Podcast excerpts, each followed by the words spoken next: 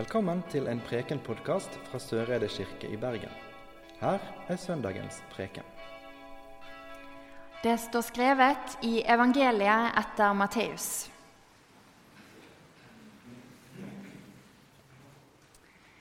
Himmelriket er likt en jordeier som gikk ut tidlig en morgen for å leie folk til å arbeide i vingården sin. Han ble enig med arbeiderne om én denar for dagen og sendte dem av sted til vingården.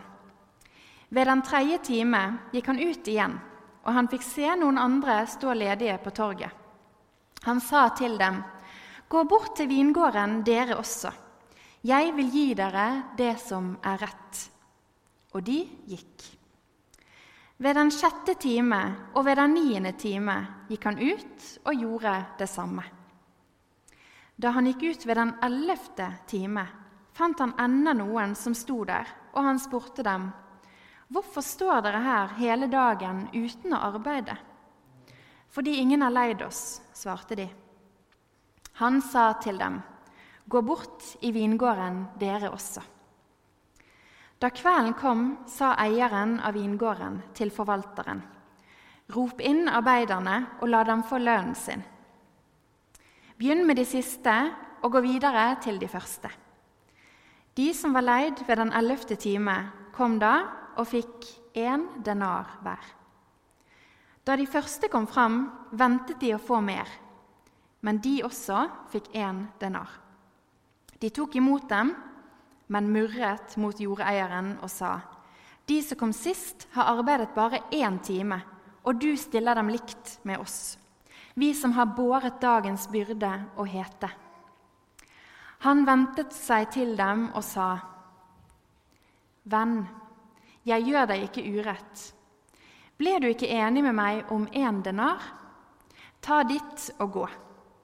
Men jeg vil gi ham som kom sist, det samme som deg. Har ikke jeg lov til å gjøre det som jeg vil med det som er mitt? Eller ser du med onde øyne på at jeg er god. Slik skal de siste bli de første, og de første de siste. Slik lyder det hellige evangelium.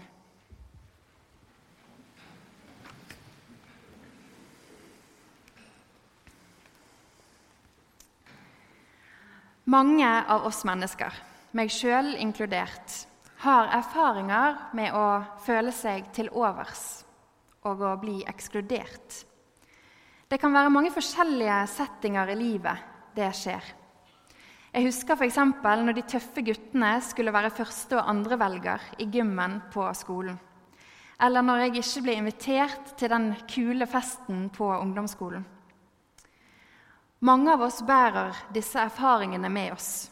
Erfaringer av å bli ekskludert. Å være til overs. Å bli valgt vekk.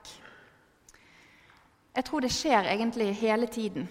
I skolegården, på arbeidsplassen, kanskje av svigerfamilien, i barselgruppen, på Tinder, i kirken eller helt andre steder. Det er ikke gøy å føle seg uvelkommen og ikke ønsket.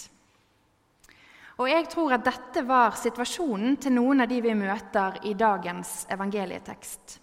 Arbeiderne på torget.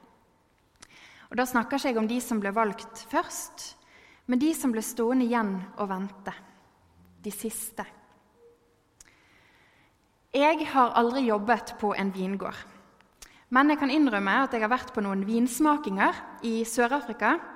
Og der har prosessen med vinlagingen blitt tydelig tegnet opp for meg. Jordeieren må ofte gjøre sånn som i teksten. Han eller hun må noen ganger reise ut og leie folk utenifra for å kunne komme og jobbe på vingården sin.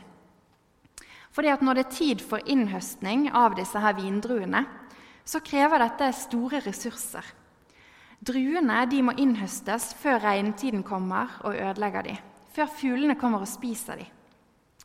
Og Derfor så reiser jordeierne gjerne til et torg og henter arbeidsledige folk som skal være den arbeidskraften som trengs. Det er akkurat det som skjer i vår tekst. Jordeieren henter en gjeng arbeidere på morgenen. Og Jeg vil tro at det både i Palestina på Jesu tid og i Sør-Afrika i dag som regel var og er unge, sterke menn som blir valgt først til dette her arbeidet.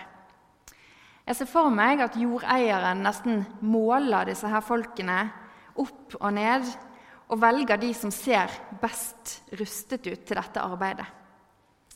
Økonomisk så er jo det lurt å gå for sterke unge menn fra riktig sted, med riktig bakgrunn, og de som man i hvert fall antar at ikke skaper noe trøbbel på arbeidsplassen.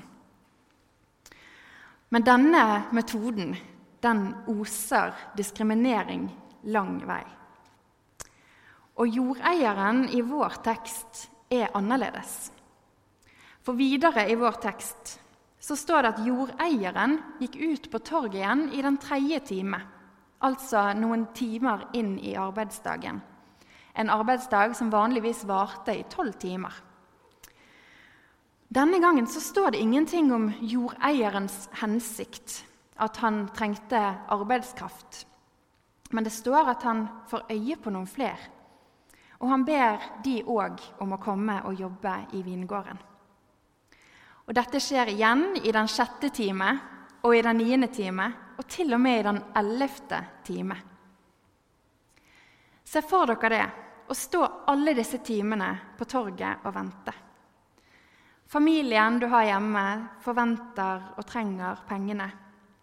Og du kan ikke gå hjem, for du orker ikke skuffelsen over nok en dag uten inntekt.